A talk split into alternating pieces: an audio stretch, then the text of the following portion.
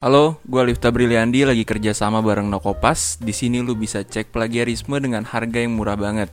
3000 untuk satu file dan 10000 untuk 4 file. Nah, di, di Nokopas ini dia lagi ada jasa penurunan plagiarisme atau jasa parafrase. Nah, untuk harganya itu murah banget, cuma 4000 per lembar. Lu bisa langsung cek aja di Instagramnya itu Nokopas.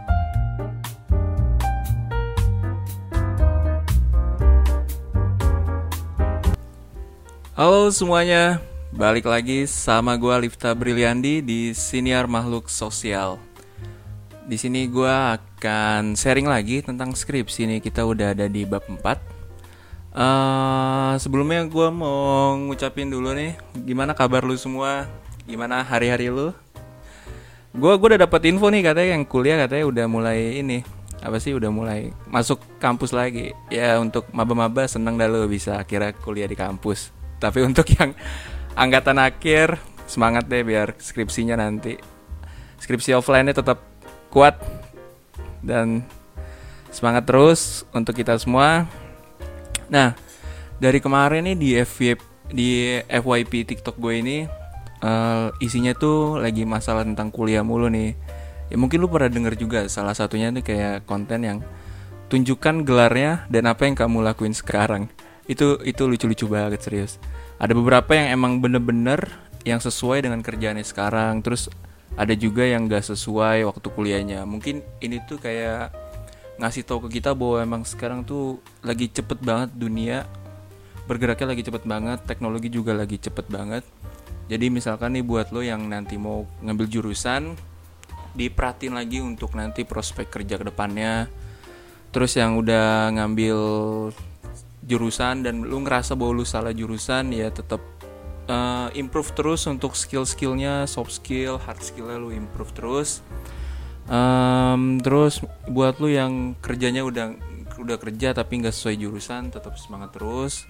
Ya sepait-paitnya hidup tetap harus dijalanin kan?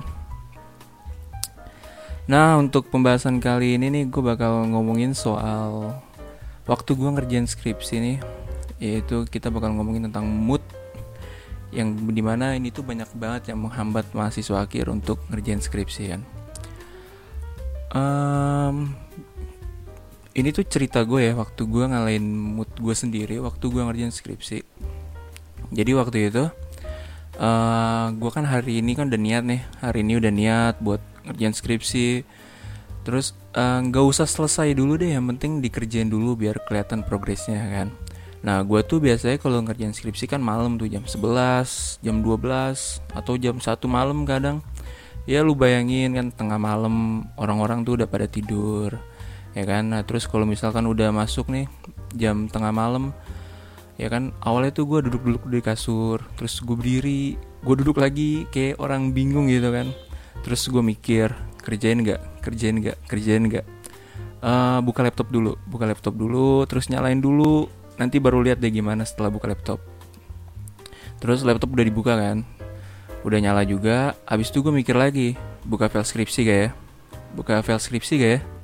Buka file skripsi gak ya? Buka dulu buka dulu. Buka dulu nanti kita lihat apa yang terjadi. Habis file skripsi udah dibuka biasanya kan nge-scroll dulu tuh. Atas bawah atas bawah. Ngeliat dulu ngeliat dulu Nah terus biasanya kalau ada di situasi itu biasanya tuh lu lagi ada di posisi yang stuck di situ. Ya kan? Nah kalau gue tuh biasanya gue mikir lu ini solusinya gimana ya? Ini solusi gimana ya? Uh, buka-buka penelitian terdahulu aja deh biar ada referensi dulu terus dibuka dulu. Nah setelah udah buka lalu dibaca-baca dulu penelitian terdahulunya dicari-cari dulu untuk problemnya. Nah habis itu lo ketemu yang bikin stucknya di mana abis itu gue mikir lagi ah udah ketemu nih yang bikin stucknya nih masa nggak dilanjutin sih? Ya udah habis itu biasa langsung dilanjutin dan gue biasanya bablas sampai subuh. Ini tuh gue latih dan gue biasain gitu. Selama kurang lebih satu minggu sebelum pengumpulan skripsi gue start dari bab 4 sampai bab 5 gue melatih mentalitas gue untuk uh, untuk bisa ngalahin mood gue sendiri gitu. Karena gue tahu kalau sama mood sendiri aja gue kalah ya skripsi gue nggak akan pernah selesai dah. Ya kan? Pasti lo di sini juga akan bertanya-tanya kan kenapa beberapa temen gue tuh udah selesai skripsi sedangkan gue nggak?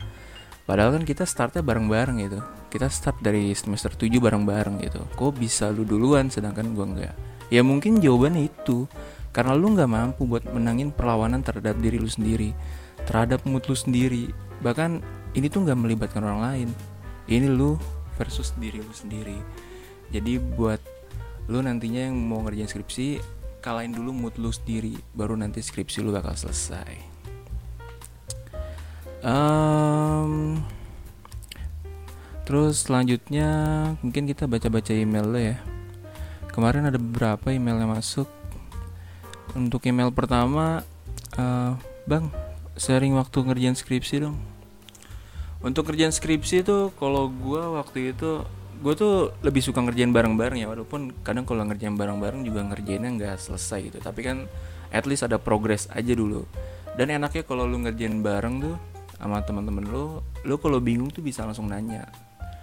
Dan biasanya langsung langsung selesai itu masalahnya. Cuman kalau lo ngerjain sendiri uh, terus lo stuck lo bingung dan akhirnya itu nggak dilanjutin lagi biasanya kalau ngerjain di rumah. Makanya kalau waktu gue ngerjain skripsi gue lebih seneng bareng-bareng biar nggak ini juga sih nggak bosen juga ngerjain sendiri. Uh, next email kedua. Kak, aku lagi semester 7, dikit lagi masuk semester 8 dan mau ambil skripsi. Jujur takut banget, minta saran dong.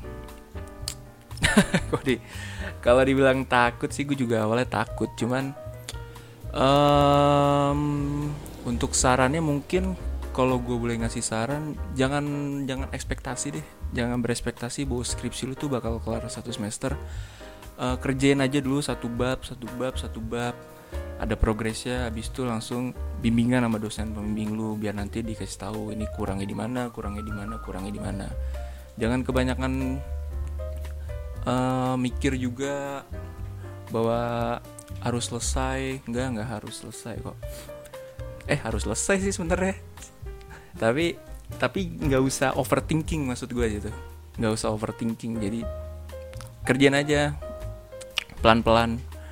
Jangan maksain untuk ngerjain maraton. Hari ini harus selesai dua hari harus selesai seminggu harus selesai. Nggak. Biasanya yang begitu begitu tuh nanti malah nggak selesai.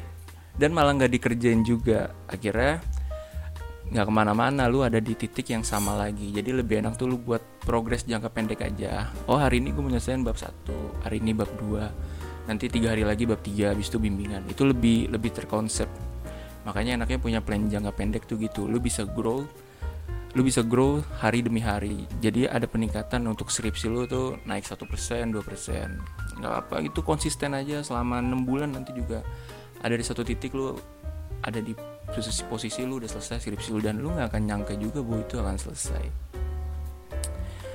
Uh, mungkin itu sih saran dari gue makasih buat lo yang udah nyimak sampai akhir.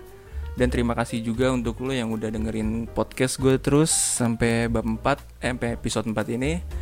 Terus kalau lu mau nanya-nanya apa pun lah tentang skripsi atau tentang apa pun lah boleh lah. Society culture bebas lu tinggal email aja di sosial makhluk eh di senior makhluk sosial pakai pakai k uh, gmail.com nanti gue bacain email-email lu di episode selanjutnya uh, follow juga uh, Spotify gue akun podcast gue dan kasih juga bintang 5 gue tuh baru tahu ya kok di Spotify itu ada bintang 5 ya udah kayak ojol ya minta-minta bintang 5 ya mungkin segitu ya dari gue terima kasih juga buat semuanya dan see you when I see you